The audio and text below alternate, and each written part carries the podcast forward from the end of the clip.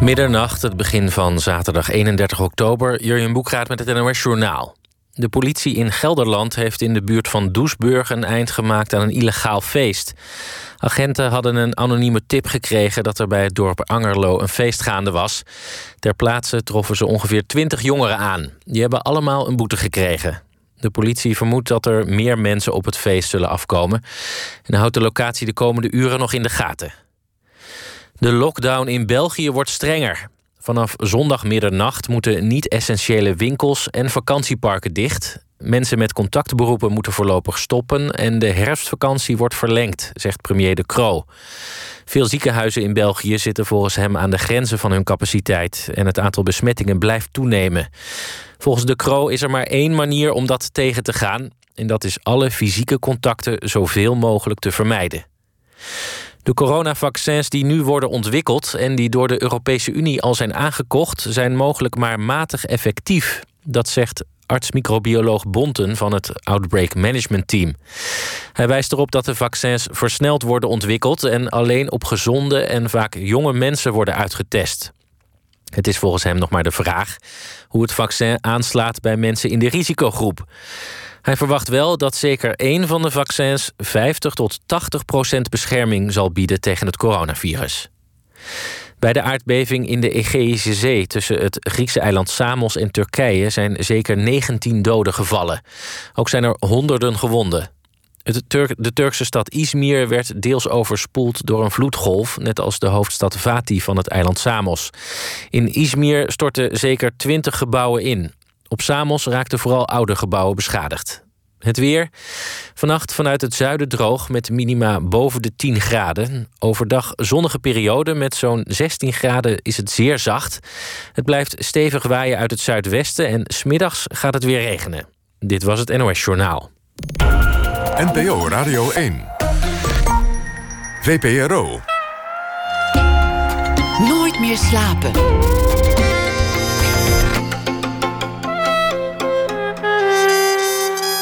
Met Liesbeth Staats. Goedenacht en welkom bij Nooit meer slapen. Mijn gast vannacht zie ik af en toe fietsen bij mij in de buurt. En niet zomaar fietsen, nee, met driftige slagen en schuin hangend over het stuur. Ook een toevallige voorbijganger ziet dat bewegen voor Erik Scherder een halszaak is. Hij fietst naar het werk, loopt iedere dag een uur, zit op de home trainer, werkt push-ups en een half uur krachttraining af. En oh ja, daarnaast is hij ook nog hoogleraar klinische neuropsychologie aan de Vrije Universiteit en hoogleraar bewegingswetenschappen aan de Rijksuniversiteit Groningen. Zijn missie? Dit land ervan doordringen dat we meer moeten bewegen. Juist in coronatijden, want daarmee jagen we het virus weg. Daarover straks meer. Erik Scherder schreef samen met cardioloog Leonard Hofstra Hart voor je brein, waarin ze uitleggen hoe we wandelend, fietsend of dansend ons hart en hoofd gezond houden. En hoe we zelf een heus wondermiddeltje kunnen aanmaken dat onze bloedvaten wijd houdt en onze hersenen scherp. Hij staat hier naast me, hij zit natuurlijk niet. Welkom, Erik Scherder. Dank. Ik uh, las het boek Hart voor je brein en ik dacht al die jaren verkondig je een beetje het ev beweeg-evangelie. Ja, ja. En nog zijn wij niet uit die stoel te branden. Ja, is dat frustrerend? nee, totaal niet. Nee? Nee, ik, ik, heb er, ik begrijp dat het zo werkt. En je moet eigenlijk wachten op het moment toch dat je denkt... wordt het prioriteit nummer één? En er zijn ook best veel studies naar gedaan. waarom is het zo lastig om te veranderen? En uh, nou, bewustwording is daar maar één deel van. Nou, aan bewustwording hebben wij op zich best veel gedaan. Uh, als ik het zo mag zeggen, hè, ja. in alle bescheidenheid. Want als je aan mij zou hebben... we doen je en jij, hè, geloof ik, hè? Ja, zeker. Dus als je mij zou vragen van... Uh, hoe groot was de spin-off de afgelopen jaren... dat we toch wel behoorlijk de boer op zijn gegaan over het bewegen... dan denk ik dat je heel bescheiden moet zijn over de spin-off. Ondanks al die tv-colleges, boeken... Ja, ja. Talkshowtafels. Ja, zeker. Ik denk dat je echt bescheiden moet zijn. En, en uh, dat betekent eigenlijk dat, zeg maar maatschappelijk gezien... Hè, mensen toch liever gaan zitten dan lopen of bewegen. Ja, in, in, groepen denken natuurlijk. Uh, en dat zie je dus ook terug in de internationale studies. Uh, zoals we weten was er al een pandemie.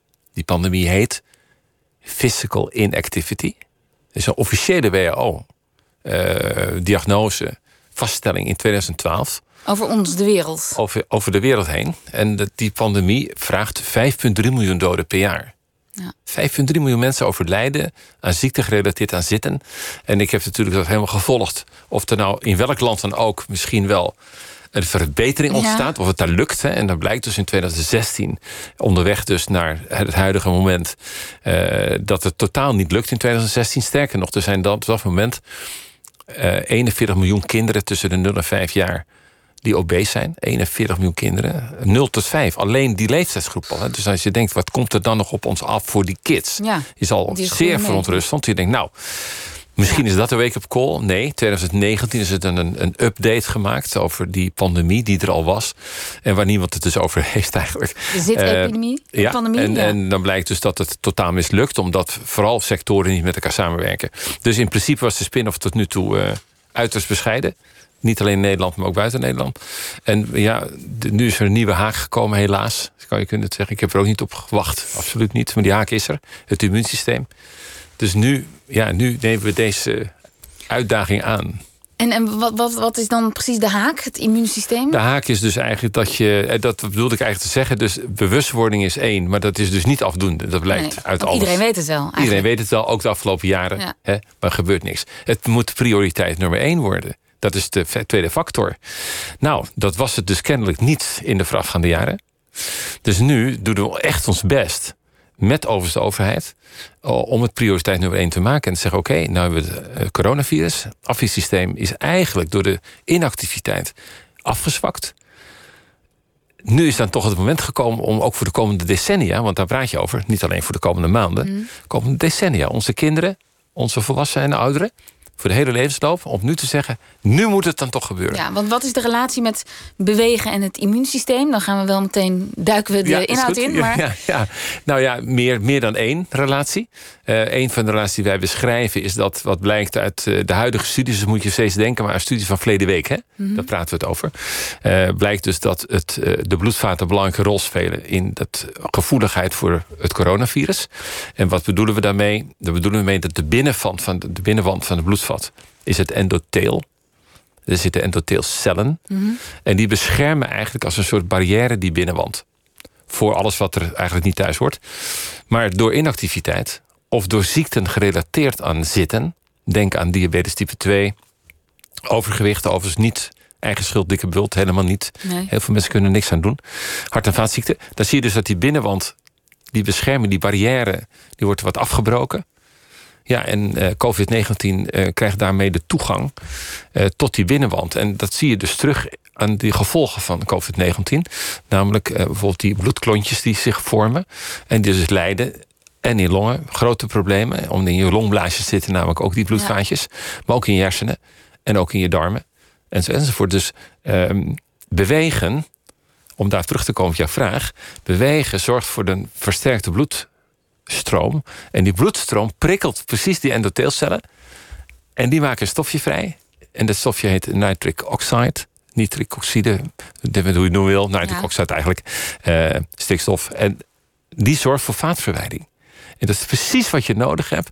Dat schuren langs die bloedvaatwand versterkt eigenlijk weer die endotheelcelwand. Dus dat is precies wat je wil. En dat doen we dus net niet.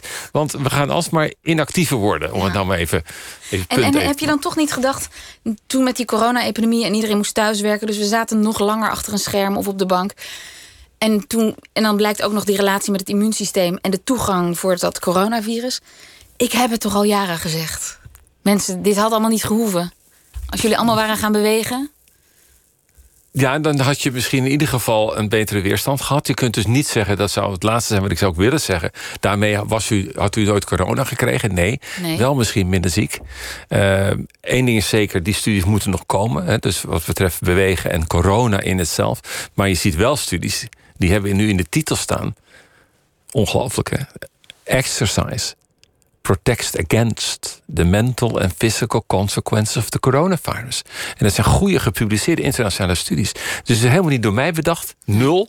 Het staat gewoon allemaal in die studies, in de titels. En als je het leest, dan roepen ze allemaal hetzelfde. Namelijk, kom uit uw stoel, want u kunt wat doen aan dat afweersysteem. Dus misschien dat deze hele pandemie, dan deze pandemie, dan die andere pandemie. Uh nou ja, bestrijdt. Het is echt leuk dat je dat zegt. Want in die titels wordt ook al genoemd two pandemics. Precies wat jij zegt. Twee pandemieën. Die was er al, die ene. Mhm. Nu hebben we deze. En die hebben een sterke relatie met elkaar.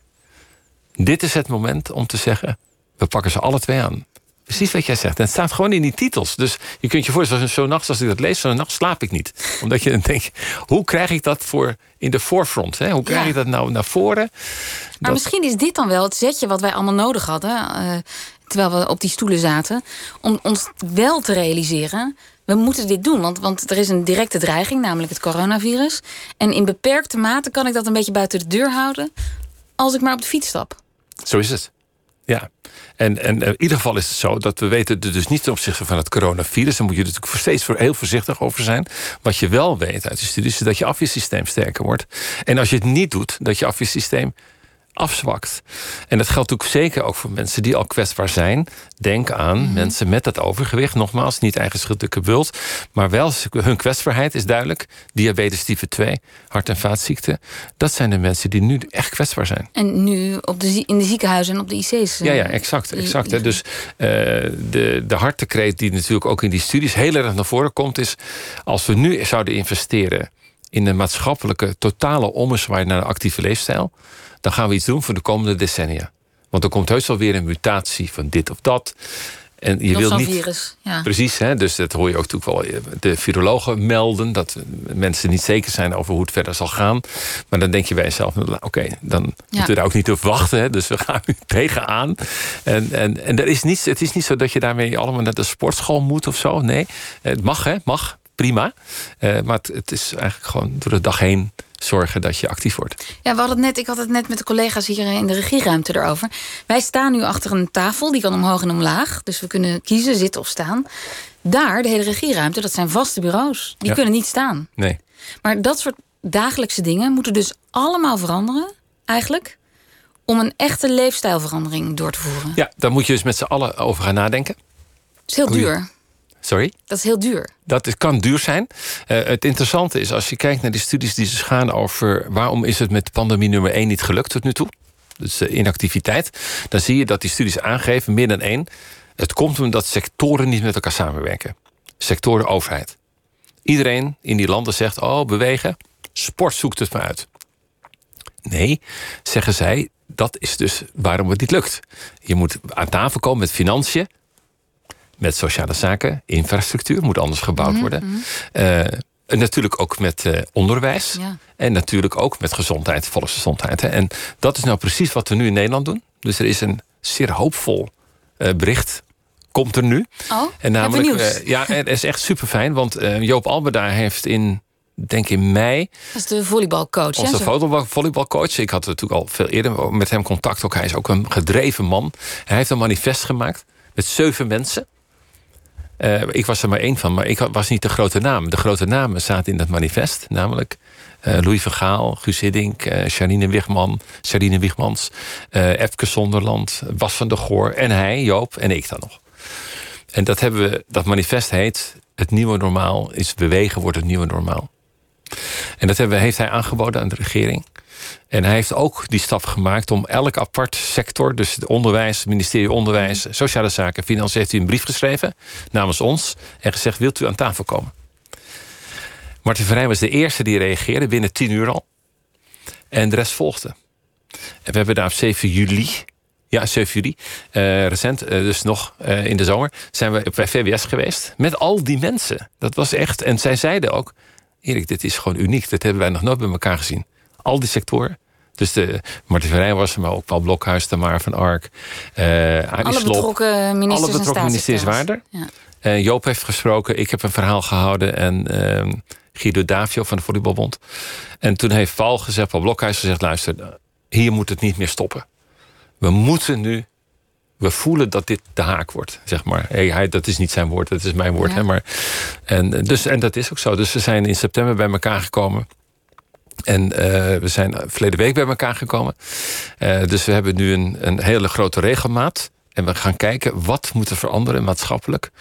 En er is een belofte gedaan in de Tweede Kamer dat we in april 2021 komen we al met iconische maatregelen. Iconische maatregelen? Is hun woord. Oké. Okay. Niet geweldig. ik weet nog niet wat. En kun je een tipje van de sluier oplichten? Nee, was me waar, want dan was ik nog gelukkiger. Ja. Uh, maar ja, de, de, het moet dus zo zijn dat, dat we straks zullen zien...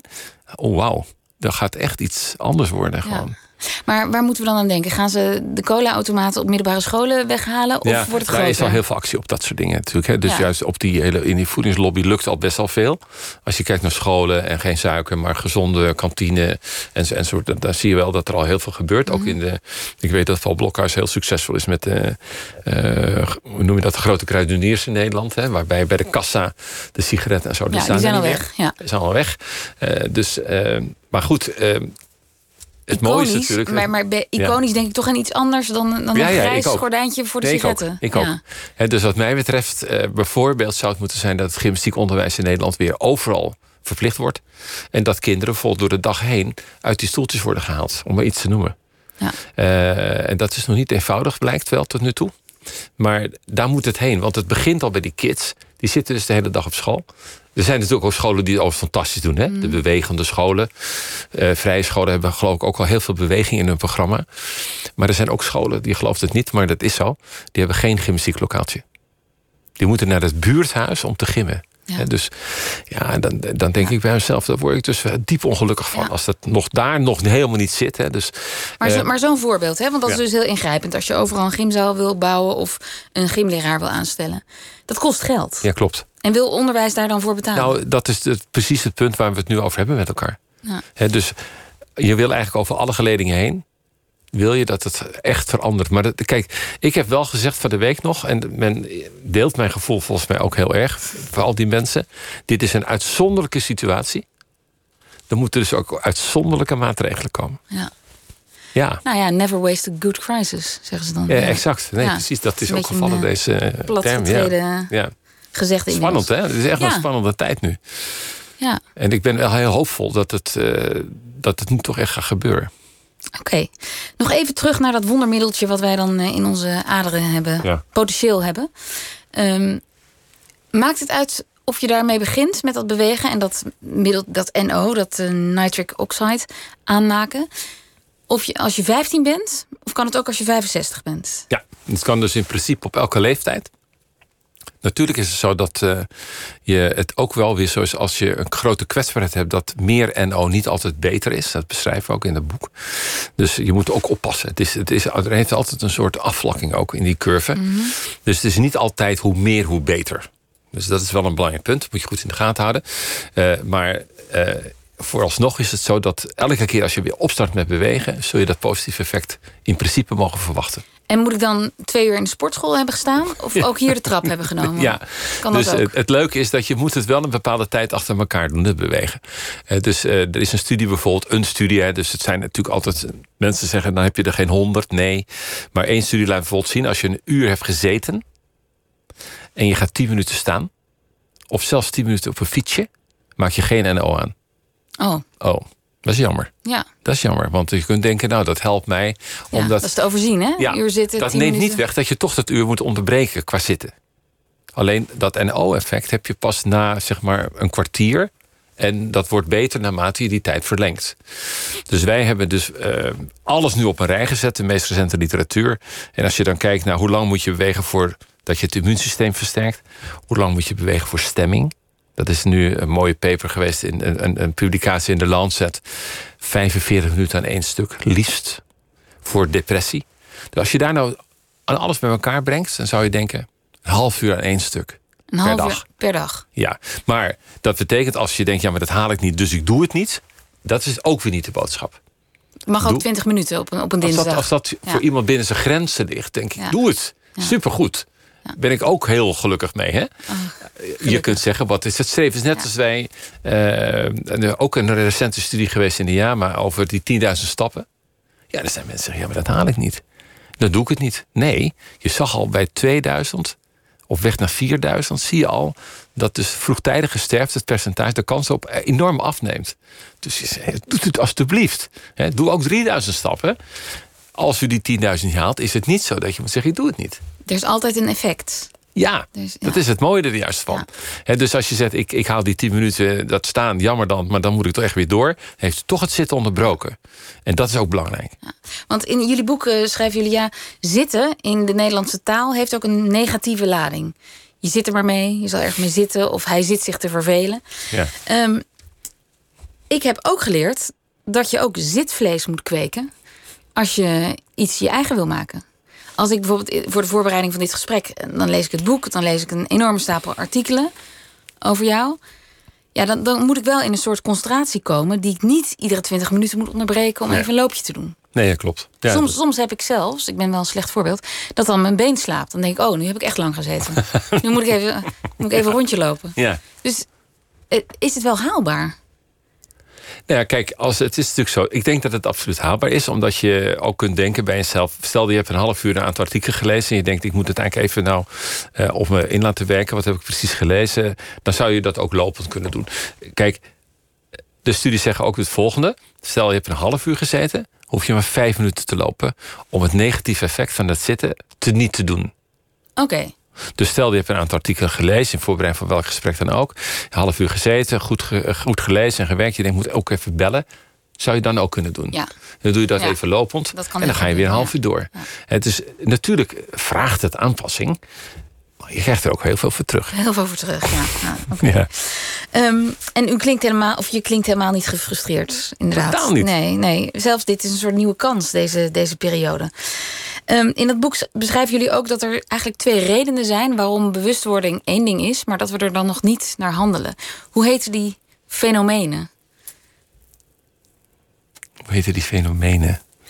Ja, ik vond het zo'n mooie term. Dat je het wel weet, maar er niet naar handelt. Dat de beloning uit te ver in het vooruitzicht ligt. Oh ja, die, die, die distance inconsistencies. Ja, ja, ja. ja. Dus dat, dat betekent eigenlijk dat je, dat je nu iets doet. En dat, uh, dat is echt een term ook van, van Leo. Van Leonard, die, daar heeft hij natuurlijk een heel goed punt. Nu eet je een hamburger, maar je weet gewoon... over twintig jaar word ik eventueel voor afgestraft. Niet morgen. Of schoon Leonard wel stelt dat het misschien ook al morgen is. Hè. Dus mm dat idee van er is een op, op lange afstand pas een probleem. Uh, dat is toch nog wel te bekijken. Maar je kunt wel denken bij jezelf: alles wat ik nu doe, hè, dat heeft nu geen effect. Dus ik vind het nu fijn. Een beetje, hè, we willen natuurlijk graag op korte termijn beloond worden. Zo werkt het ook wel in je hersenen. Uh, er zijn natuurlijk firma's die zijn daar heel rijk door geworden. Hè. Wat ik vandaag wil, dan is vanavond al in huis. Hè. Dus zo werkt het wel. Uh, maar ja, inderdaad op lange afstand vind je de afrekening. Maar kunnen we dan concluderen dat die beloning, namelijk uh, jezelf beter beschermen tegen een virus als het coronavirus, dat dat dan een beloning is die beter voorstelbaar is? Die ons helpt? Ja, of is dat te vroeg? ja, het lastige is, eh, vind ik wel van het bewegen, is dat je misschien niet meteen morgen merkt dat je. Ik weet niet of je dat bedoelt, maar dat je morgen niet beloond wordt meteen daardoor. Je moet, wordt, het goede gevoel komt natuurlijk in de tijd dat je denkt, ik voel me fitter. En uh, ik, word, ik val misschien ook een beetje af. Dat is mm overigens niet altijd zo. Hè. Het is zelfs zo dat mensen die overgewicht hebben en die gaan bewegen en ze vallen niet af, is vaak een reden om te denken: ik stop er weer mee. Ja. Terwijl er ook studies zijn die zeggen: als u overgewicht heeft en u gaat bewegen, dan toch die, die vroege mortaliteitsrisico's. Dus je hebt wel degelijk ook een gezondheidswinst. Dus nog even voor de helderheid. Ja, er zijn ook mensen die heel fit zijn, maar wel overgewicht hebben. Precies. Gewoon doen. Vooral doen. Ook al zou u niet aanvallen daardoor. Hè? Dus dat is een belangrijk punt. Maar de beloning is dus niet zoiets dat je denkt... morgen, yo, ik heb gisteren bewogen. Ik voel het nu ook al. Hè? Je moet een beetje op lange termijn denken. Ik vroeg me af, de studie naar ons brein en onze hersenen... en dat bewegen... heeft dat veranderd hoe, u in het leven hoe je in het leven staat? Um, eens kijken, heeft het mij veranderd? Ja, ik denk wel. Nou ja, ik denk wel dat, het, dat ik meer dan ooit natuurlijk ook denk van. Um, ik moet er ook wel naar leven. Hè, naar uh, datgene wat ik lees. Hè, dat, dat is wel zo. Ik ben wel wat dwangmatig ingesteld. Dus als ik lees van dit en dit moet je doen. Dan zie ik mezelf nu ook na een half uur zitten. Ga ik ook even bewegen. Oh ja. Dus ik, ik leg het mezelf ook op omdat ik denk, ja, ik ben nu 69. Ik wil nog heel graag een tijd mee.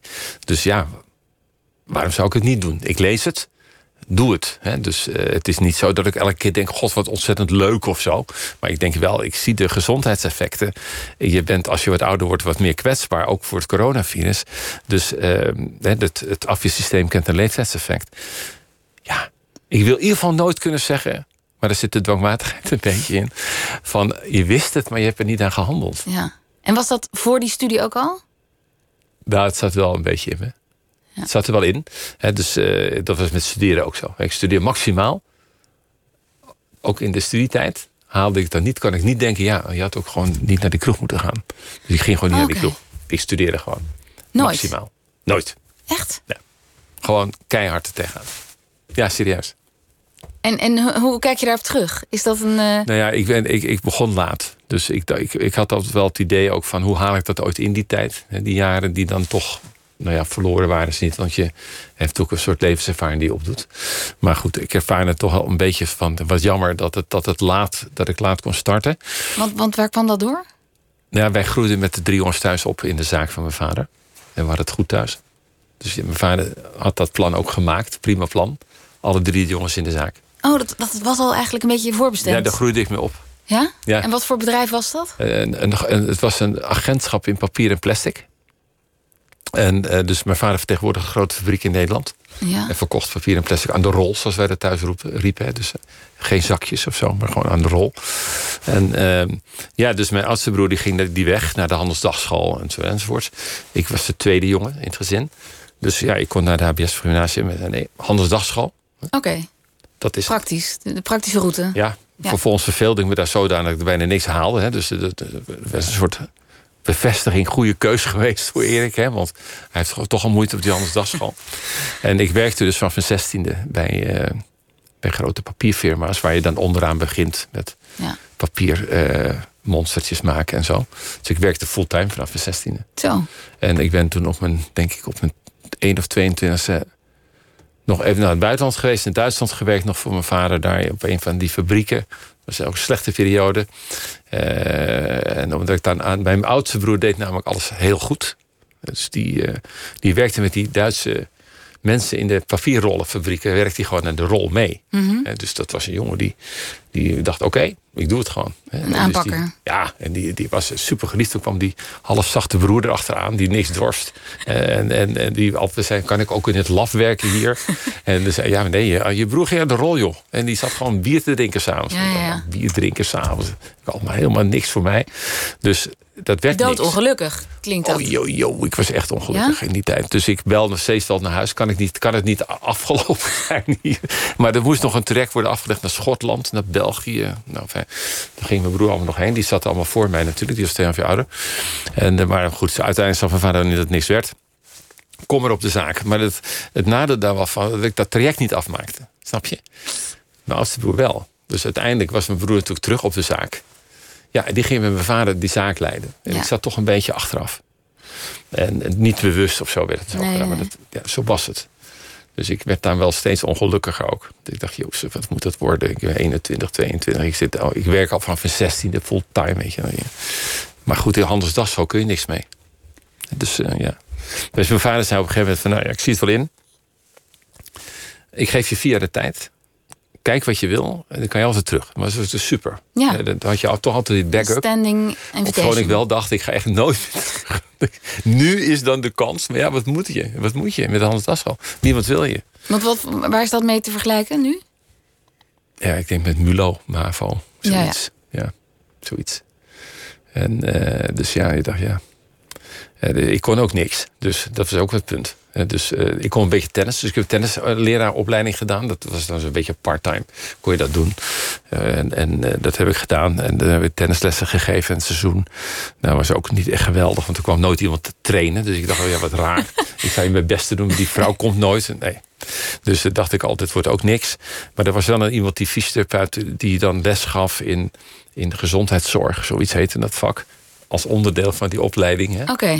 En dan ben ik naar die man gestapt. Dan haak je echt zeg, hoe doe je dat nou, die fysiotherapie? Hè? En allemaal in dat eerste jaar nog bijna, eh, anderhalf jaar, maar ja, vier jaar. Dus, een beetje haast. Dat is dit. Hè? Ja. Dus nou, toen zei hij, ja, de, de, je kan naar de academie gaan. Ik naar de academie. Nou, no way. Die mensen, nee, echt, echt, komt hier echt niet op. Nee. Dus we hebben drie, vier keer langs gegaan. Ja, u kunt toch veel meer langskomen, jongen, maar je komt er niet op. Nou ja, toen via allerlei verschrikkelijke kanalen hebben ze hem toch uiteindelijk wel opgeperst. Vraag me niet hoe, maar goed, het is uiteindelijk gebeurd. En, en dus ik kon daar uiteindelijk dan gaan studeren. Ja, vanaf dat moment is, heb ik alleen maar geleerd. Gestudeerd? Ja. Alleen maar gestudeerd. Maar dan, dan zit er een soort haast in. Ja. Ja. ja. Dan wil je inhalen wat er niet meer in te halen is natuurlijk eigenlijk. Nou ja, Nou ja. maar goed, je hebt, ik heb toch het gevoel tot op heden wel dat ik denk, ja, ik, ik had meer kunnen weten dan ik nu weet.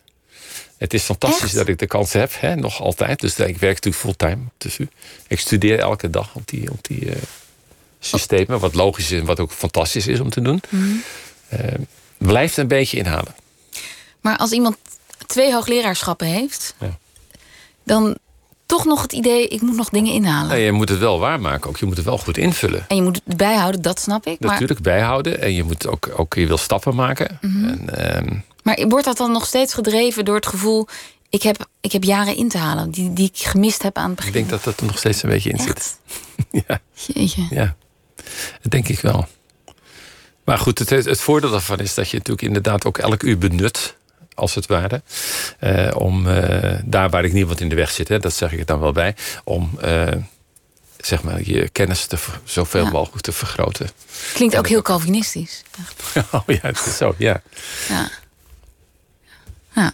Je, maakt hele je maakt een hele vrolijke indruk. Niet echt iemand die lijdt onder dat. Nee, ik leid er ook niet onder. onder. die gedrevenheid. Nee, klopt. Nee. nee. Ik leid er niet onder. Ik ben alleen maar. Ja, klinkt altijd mensen zeggen, ja, je zei je bent dankbaar. Aan wie dan? Hè? Dus mm. het klinkt het een beetje een gek woord inderdaad. Maar ik ben wel ontzettend gelukkig dat ik, en bevoorrecht dat ik gewoon nu nog mag blijven werken en dat ik het allemaal kan doen. Ja. Wanneer moet een hoogleraar eigenlijk met pensioen? Nou, normaal 65 jaar, of ah. althans zo op de normale. Dat punt is wel gemist. Ja. Uh, ik heb echt het voorrecht dat ik mag blijven. Dus het is fantastisch, want ik ben dus nu, word nu 69. En er is nog gelukkig geen geluid die zegt van je moet gaan verdwijnen. Mhm. dus, uh, en ik heb vanmorgen nog college gegeven van 9 tot 1. Kijk, Kijk. Nog. Erik Scherder is onze gast vannacht. En ik praat met hem over het nieuwe boek Hart voor je brein... dat hij samen met cardioloog Leonard Hofstra heeft geschreven. Um, we praten over bewegen natuurlijk, maar ook over zijn jeugd in Amsterdam... en hoe hij uh, op latere leeftijd begonnen is met studeren. Um, mijn laatste vraag was eigenlijk of, of, jouw kennis van je hersenen je blik op de wereld heeft veranderd. Of, of, of jezelf heeft veranderd. En ik uh, keek een uh, uitzending terug, Adieu God, met Thijs van der Brink. En daarin uh, bespraken jullie het geloof. En toen vertelde jij, ja, voor mij is het, ik geloof niet meer. Maar het geloof is ook echt iets van mijn brein. Dat gebeurt hier binnen de, binnen de schedel. Het is niet zozeer iets goddelijks van buitenaf. Is dat ook door die studie gekomen, dat dat geloof verdwenen is? Nou, ik, nee, want ik moet zeggen dat voor die studie, uh, voordat ik met de studie begon, was het niet zo dat ik toen elke dag naar de kerk ging en een ander soort geloof beleiden. Dat was niet zo. Uh, het, het leuke is van zo'n studie dat je het, laat ik zeggen, ook wel kan verklaren vanuit de studie. Dat je het ook leuk vindt. Dat je bij een bepaalde aandoening ziet hoe mensen hyperreligieus worden, bijvoorbeeld. Oh ja, daar is een aandoening voor. Nou ja, er zijn aandoeningen waarbij bepaalde gebieden zeg maar een soort ontremming ontstaat. En in die ontremming zie je dat mensen uh, op allerlei gebied hyper worden. Maar ook onder andere op het gebied van geloof. Die gaan wij tien keer per dag naar de kerk. En elk geloof is een geweldig geloof. En dat soort dingen. Dus, uh, is er één speciale aandoening die dat uh, triggert? Nou, nee, nee, niet één speciale aandoening. Maar ehm, het, het, ondersteunt het idee dat. en dat is helemaal niet bedoeld om daarmee te zeggen dat het geloof niet als geloof kan bestaan.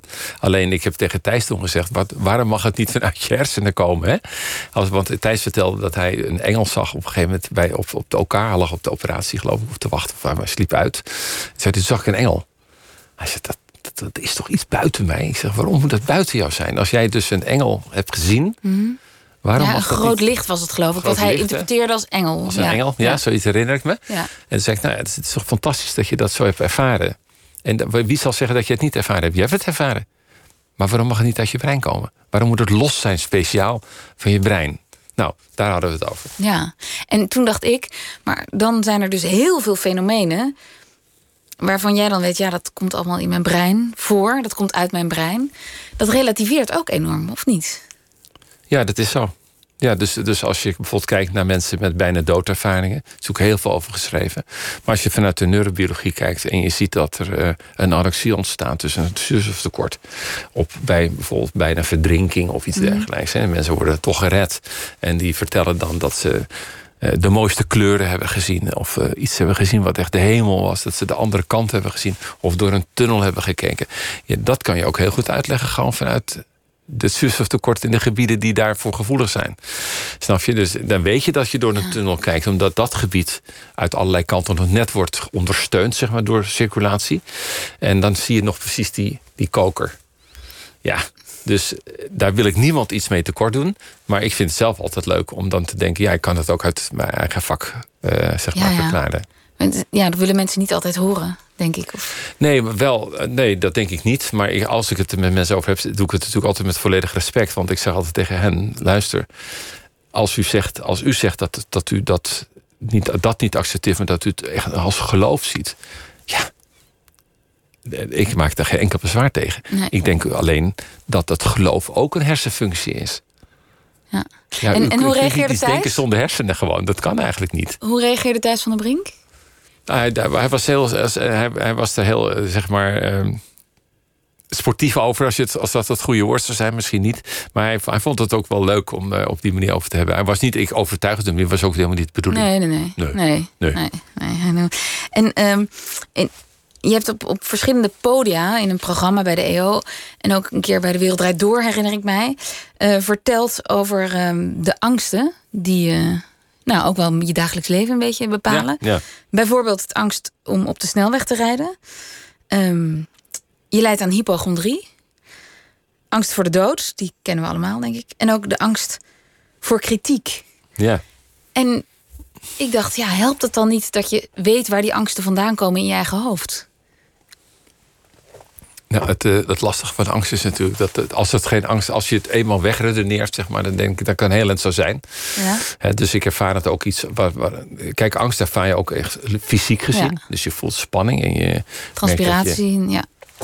Uh, dat je bloeddruk omhoog gaat, bij wijze van spreken, of je hartfrequentie gaat omhoog.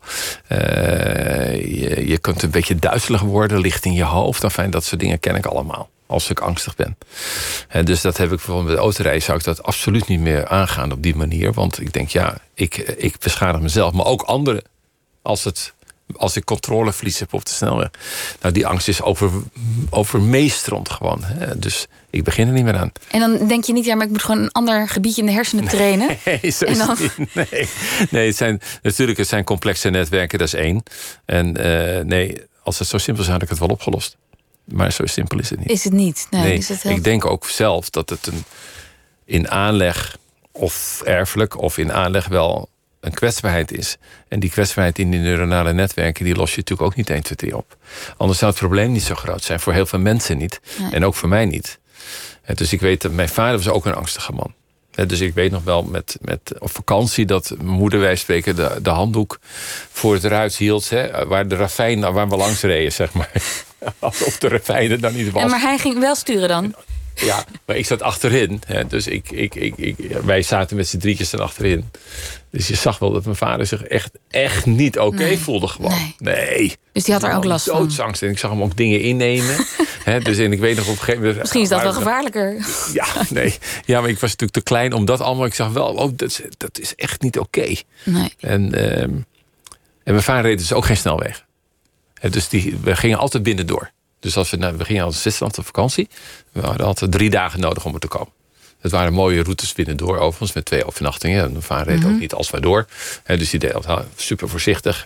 En ik groeide op met voorzichtig binnenwegen enzovoort. Dus, uh, op tijd stoppen. Ja, en dus ja, uh, ik heb wel heel leuk was dat hij later, toen ik dus zelf ook niet meer dorst, dat hij zei van, toen dorst hij inmiddels wel. en nou, hij nam ook wel wat in, hè, dus, maar dan, hij, hij kwam daar overheen. Ja. En dan ging hij met mij wel oefenen. We zeiden, zullen we dan samen gaan rijden? Dus, maar goed, het, uiteindelijk. En, en je broers, hebben die dat ook overgenomen? Nee, nee, nee. nee. Dus dat is in één gezin? Mijn broer is onverschrokken. Dus, oh, ja. helaas is hij overleden al. Maar hij had heel zijn leven diabetes. Al vanaf zijn jongs af aan. En, uh, en mijn jongste broer die heeft er ook last van.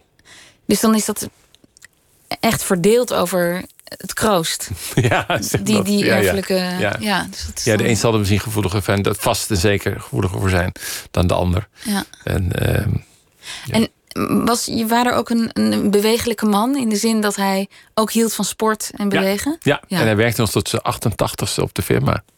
Kijk, ja. dus dan is 69. ja, precies. Dan pas op ik de helft. Nog even, ik ga nog even rustig verder. En uh, nee, dus hij werkte ook heel lang door. Ja. En dan ging verliefd alleen, had hij wel een andere rol. Mijn broers samen deden de zaak. En, en dat was hartstikke leuk.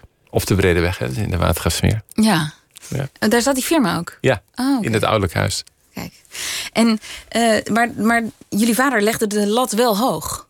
Voor ja, zichzelf? hij was een kritische man. Ja. Die voor zichzelf, hij was dus, iemand die dus zichzelf helemaal had ontwikkeld. Want hij had lagere school. Maar hij sprak alle heel vertalen, vloeiend. En schreef ook vloeiend. Italiaans, Russisch, Frans, Duits, Engels. Allemaal zelf.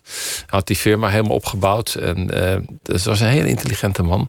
Uh, dus hij, ja, hij verwachtte wel van die jongens dat dat ook goed ging. Hè? Dus de schriftjes gingen wel door de kamer vroeger. Hè? Dus als het niet... De, wap, dan gingen die schriftjes door de kamer heen. Oh ja? Dat zag ik van mijn oudste broer al gebeuren. Dat zag het bij mezelf ook gebeuren.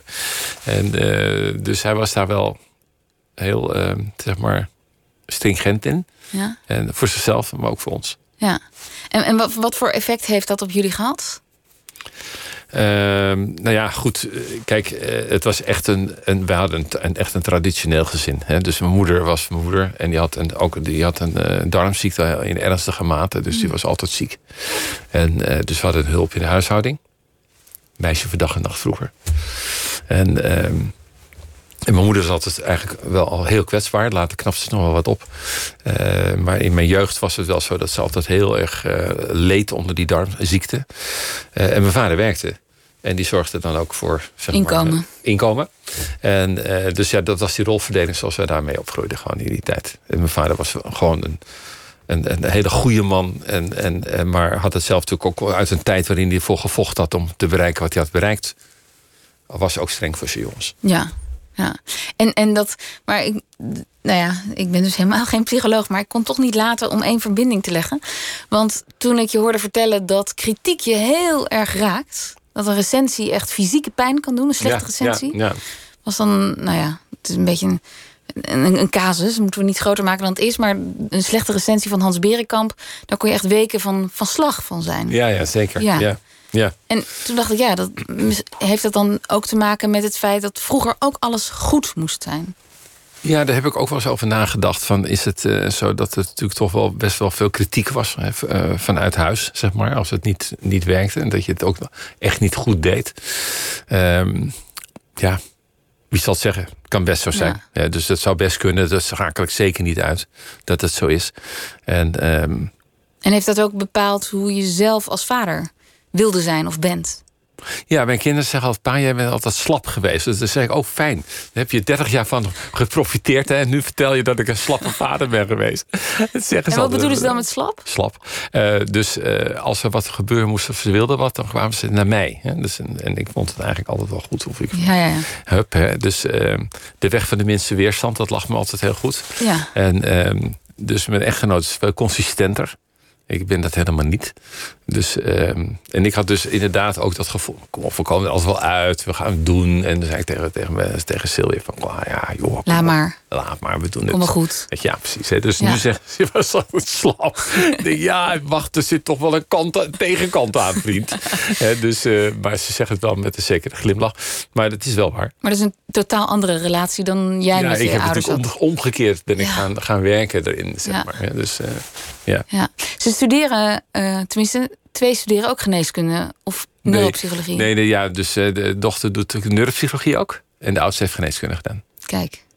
Is dat leuk als, als, als een kind hetzelfde doet als jij? Ja, is heel leuk. Ja, is heel leuk omdat zij vinden het leuk. En, en uh, ja, natuurlijk is misschien die opvoeding ook een beetje meegenomen. Dat weet ik niet eens zeker, maar dat zou best kunnen. Uh, dat we ook een beetje met elkaar hebben gekeken. Wat vind je leuk om te doen? En, enzovoorts. Maar uh, ja, ze zijn er happy mee. Ja. En zijn zij ook opgevoed met uh, de beweegevangelie? Noem ik het maar even. Ja, we ja? hebben altijd getennist met ze. Ja? Uh, ze hebben op hoog niveau getennist. Dus we hebben wel die route met hun gelopen. Met de, de, met de KNLTB en zo. En, en dat waren hele leuke jaren. Niet alleen maar leuk. Want het was natuurlijk ook een kwestie van die ouders. Aan de kant van de, van de baan. Maar het waren hele leuke tijden. Dus Ja. ze zijn zeer sportief. Maar in de introductie noemde ik even dat, dat je een uur loopt. eh, Dan nog eh, push-ups afwerkt. Niet Krachttraining. elke dag, hè? Oh, nou, zo, is, zo las ik het wel in eerder interview. Oh ja. En eh, fietst en op de home trainer zit. ja. Doen zij dat ook? Nee, dat denk ik niet. Maar ze hebben allemaal een, een, een sociaal leven waarin sporten. Kijk, onze dochter heeft helaas ook een uh, darmziekte. En dus uh, zij kan überhaupt niet aan dat sport op die manier deelnemen. Uh, dus we hebben met haar heel veel, heel veel moeilijke jaren achter de rug. Waarin we heel blij zijn dat ze nu wel stabiel is. Dus ze, ze pakt er weer een beetje op. Mm -hmm. Maar dan moet je echt van voorstellen dat dat een kwestie is van weer eens op de hoomtrainer gaan zitten. Ja, ja. En die heeft ze thuis. Maar zoals nu steekt ze de neus nauwelijks buiten de deur vanwege corona. En ze heeft een auto-immuunziekte. Dus uh, ja, wij zien haar ook alleen op afstand. Dus het hukken en eigen kinderen, dat doen wij absoluut nul, echt. Nee. Dat is ook nog zo'n consequentie van die corona. Dat zoveel mensen eenzaam zijn, hè? Ja. En geïsoleerd, ja. letterlijk. Ja, ja, ja, ja, dat is echt en jong en oud, hè? Ja. En uh, als je naar die studies kijkt, ook over eenzaamheid, dat is echt indrukwekkend. Ik zag recent nog een studie die liet zien dat uh, je hebt in je hersenen ook een reward systeem, een beloningssysteem. En als, je, als iemand die dan eenzaam was, die zag dan een bekende. En dan zag je dus dat het beloningssysteem ging gewoon uit zijn dak. Zo intens was. Wat zie je dan dat, letterlijk? Wat, ja, ja, nou ja, zij zien dan een hoge activiteit in dat beloningssysteem. Er wordt dopamine vrijgemaakt, er is verwachting. En dan zien ze die bekenden, en dan zien ze een aantal van die kernen die dus een rol spelen bij verlangen naar hoge activiteit. Gewoon omdat men een bekende ziet. Nou, dat geeft dus wel aan ja. de mate van eenzaamheid. Ja. Dat is echt indrukwekkend. Als je studie leest en, denk je, ja, en dan ziet, dan denk je, jeetje mina, ja, Ja. dat is dus eenzaamheid. Dat Maar, is- maar jij zit dus toch al aan tafel in Den Haag bij de verschillende ministers. Is dit dan ook een onderwerp? Ehm, laat ik zeggen, het is niet een direct onderwerp, de eenzaamheid, maar het wel indirect. Omdat natuurlijk als, wij, als het ons gaat lukken om eh, een positief advies uit te geven over meer bewegen. Dat betekent eigenlijk ook wel thuis werken, maar niet thuis zitten. Gaat u ook naar buiten, maar op anderhalve meter. Hè? Want dat ondersteunen wij natuurlijk van harte. Maar je kunt heus van naar buiten. Dan ontmoet je ook weer mensen. Ja. Weliswaar op afstand. Dus dat, die, dat weer uit huis komen, eh, in die zin dan, eh, heeft natuurlijk ook wel een positief effect op die eenzaamheid. En het praatje maken toch bij eh, de Albert Heijn. zeg Natuurlijk. maar. Dat- ja. Of sorry, Ja. de Spar of de Ja, ja, ja, Jumbo. precies. Ja. Ehm, eh, toen de Wereld Door afscheid nam, memoreerden jullie dat jullie daar al dat je al zeven jaar of zo aan tafel was bij de Wereld Door. Ehm, opeens werd je een bekende Nederlander die eh, het vak van de neuropsychologie een enorm podium heeft gegeven. Is dat een leuke kant van je werk? Ja, fantastische leuke kant. Ja, heel erg leuk. Omdat eh, ik vind onderwijs geven heb ik altijd heel leuk gevonden. En ehm, eh, met vallen en opstaan. Maar nu, eh, in- het was al jarenlang zo dat ik dacht... God, wat leuk om het op een, op een manier te doen... dat studenten net, net zoveel liefde gaan voelen voor dat vak als ik. En dat hoop je dan in ieder geval. Althans voor dat ene, voor die cursus dan misschien. En, dus dat was heel leuk dat dat, dat podium op die manier... Het was eigenlijk toeval ook, hè, laten Ja. we dat wel zijn. Het was allemaal toeval. Dus dat ik daar bijvoorbeeld bij Waarom Matthijs het op de tafel ging staan... dat was niet afgesproken. Dat, was, dat moment kwam gewoon langs. Op de tafel ging staan Ja, dus dat was een beetje het moment dat de studenten zouden, kwamen mee. En die, toen werd, vroeg Matthijs de studenten, wat doet hij nou in zo'n college? En toen zei de studenten, ja, gaat bij ons op tafel staan. Dat klopt ook, omdat ik dan wil laten zien... hoe iemand met een, eh, na een infarct, hoe zijn been erbij staat. En dat kun je alleen maar doen als je op tafel gaat staan... want anders zie je het in die zalen niet. En toen zei hij, nou, zei Matthijs... Doe het even. De tafel is yours, ja. Hè, dus eh, dat was niet een van tevoren opgezet eh, dingetje of zo. Dat was gewoon spontaan. Maar het was natuurlijk niet toevallig dat je in de wereldwijd door was. Nou ja, in die zin was het ook wel weer toevallig. Want eh, ik was de eerste die met eh, Alexander Klupping... de Universiteit van Nederland deed. En toen, dat liep al helemaal al heel goed. Heel veel collega's kwamen al. Ja, dat is, was een soort platform waarop eh, docenten en hoogleraren van allerlei universiteiten nou, hun kennis deelden, maar dan voor iedereen. Zo is het. Ja. En omdat ik toevallig nummer één was die dat deed... als eerste toen gewoon gevraagd, zei Alexander ken ik tegen Matthijs... laten we Erik vragen, want hij was toen de eerste Ja. die met die serie is begonnen. Ja, je kunt zeggen dat is puur toeval. Dat hij dan ook zegt, nou laten we dan Erik meenemen. Dus ik, ik zie het echt van aan eenschakeling van toevalligheden. En, en hoe wordt daaronder collega's onder gedacht? Want die moeten natuurlijk heel blij zijn dat dat vak. eh, Ja, eh, ik denk dat het gemengd is. Omdat je natuurlijk, kijk, eh, het is met die dingen zo dat als je de voorbeelden zo doet zoals ik ze dan doe, dat het ook soms een beetje kort door de bocht is. Het is natuurlijk een versimpeling van de werkelijkheid. Dat maakt het ook wel heel leuk, omdat mensen dan een beetje gaan snappen oh ja, zo. Ja, nou herken ik het wel, of zo snap ik het ook. Ja, dat anderen denken, ja, lekker zeg, dat is, zo werkt het niet. Of zo is het niet. Of mm. uh, dat is te simpel. Dat begrijp ik dat het zo is. Uh, dus uh, dat, ja, dat moet je dan toch op de koop toenemen wat lastig is. Ja, want wat zeggen ze dan? Nou, ze kunnen lelijke dingen zeggen. Echt? Ja. Onder professoren? Ja, dat kan. Ja. En dus ja, dat, dan denk je wel weer eens van nou, weet je wat, het is misschien ook wel mooi geweest. Uh, maar maar, maar uh, je hoeft niet letterlijk te citeren, maar wat voor soort dingen moet ik dan aan denken?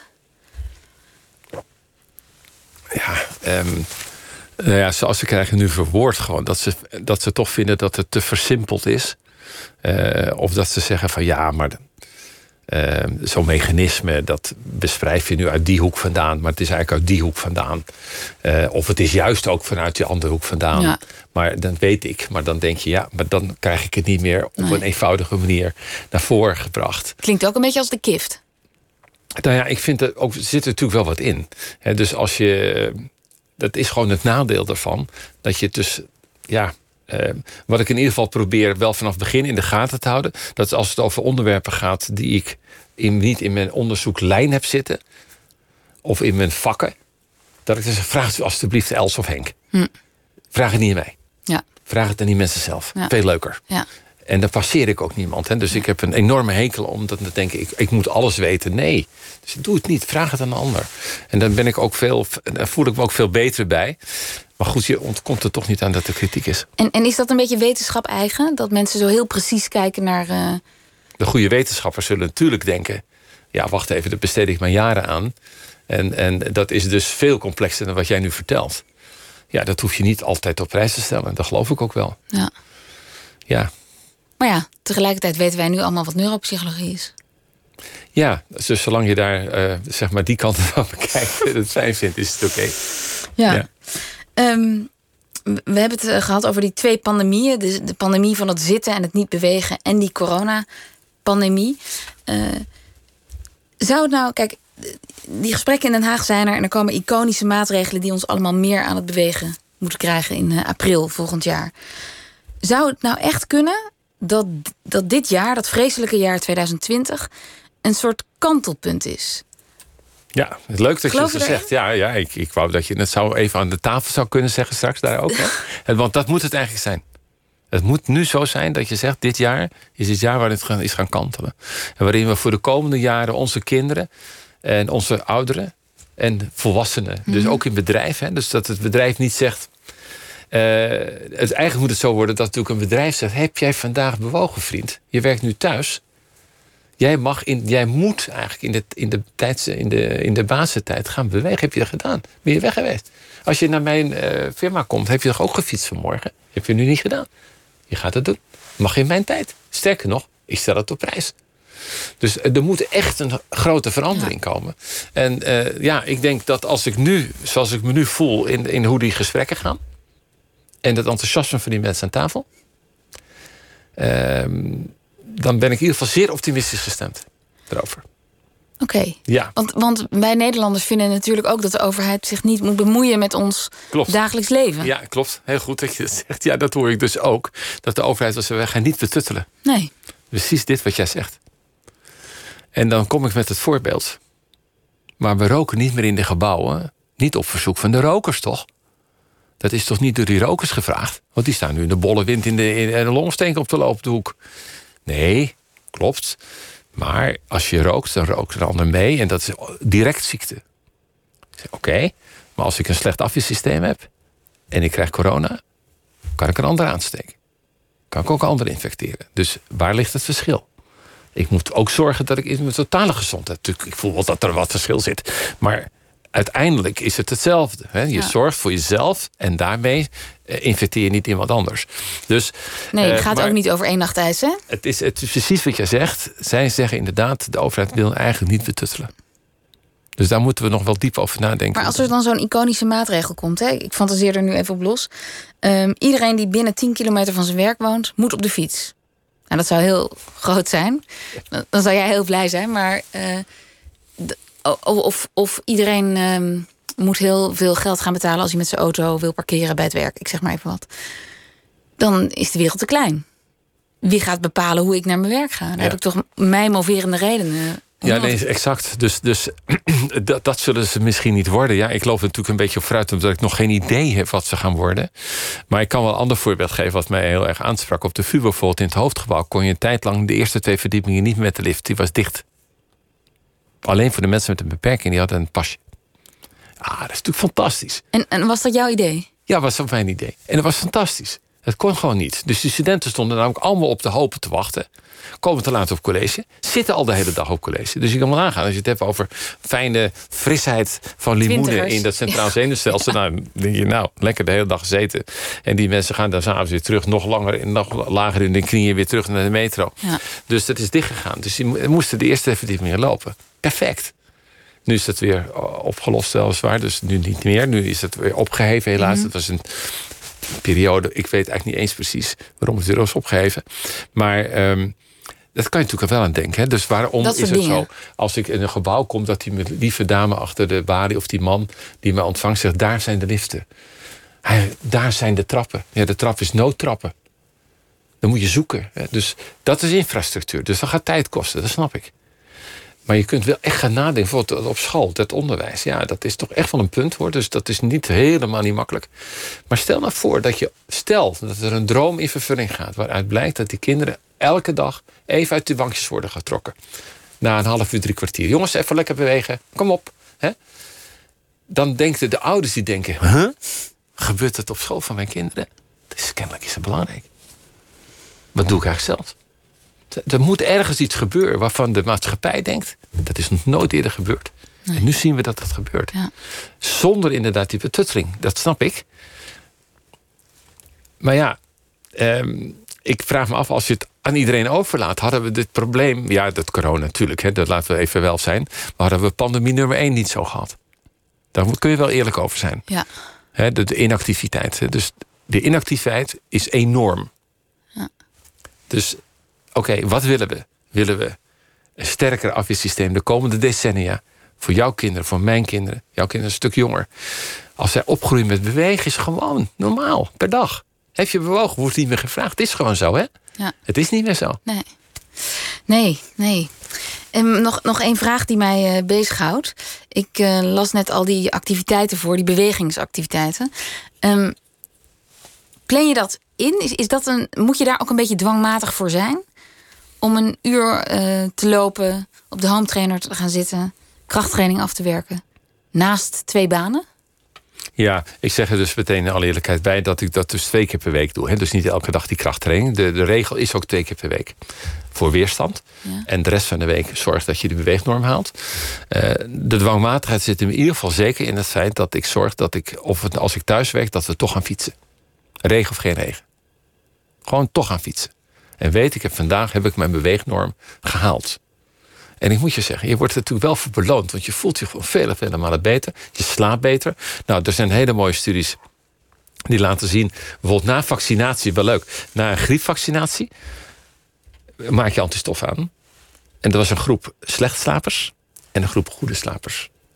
Wat blijkt? Dat in de tien dagen na de vaccinatie dat dus het aantal antistoffen echt zoveel meer, uh, zoveel meer is bij die goede, slapers, In tegenstelling tot de slechte slapers. Over slapen, daar kunnen we ook nog een hele uitzending... Uh, eh, 4 november, vermeld ik nog even... voor wie meer Erik Scherder wil horen en zien. Dan is het woensdag, dan geeft hij een masterclass op NPO 1 bij Omroep Max. Dan gaat u dingen uitleggen met echte hersenen, zag ik ja, al klopt, in een ja. Eh, sneak preview. En wij van Nooit meer slapen zijn er dan maandag weer. Dan is cabaretier Roué Verveer te gast. Hij komt praten over zijn boek Gelukkig zijn is geen kwestie van geluk hebben. En dit programma leent zich trouwens uitstekend om te luisteren als podcast... tijdens het wandelen of op de fiets. U vindt Nooit meer slapen in uw favoriete podcast-app. Dank Erik Scherder. Dank ook. Uh, tot maandag en voor nu nog een heel goede nacht.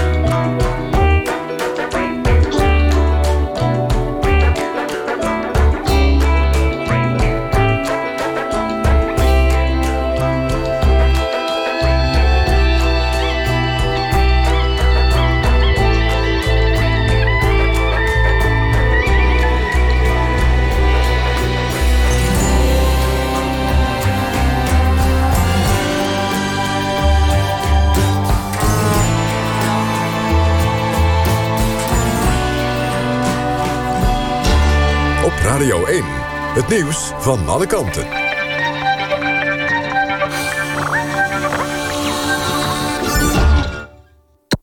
NPO Radio 1.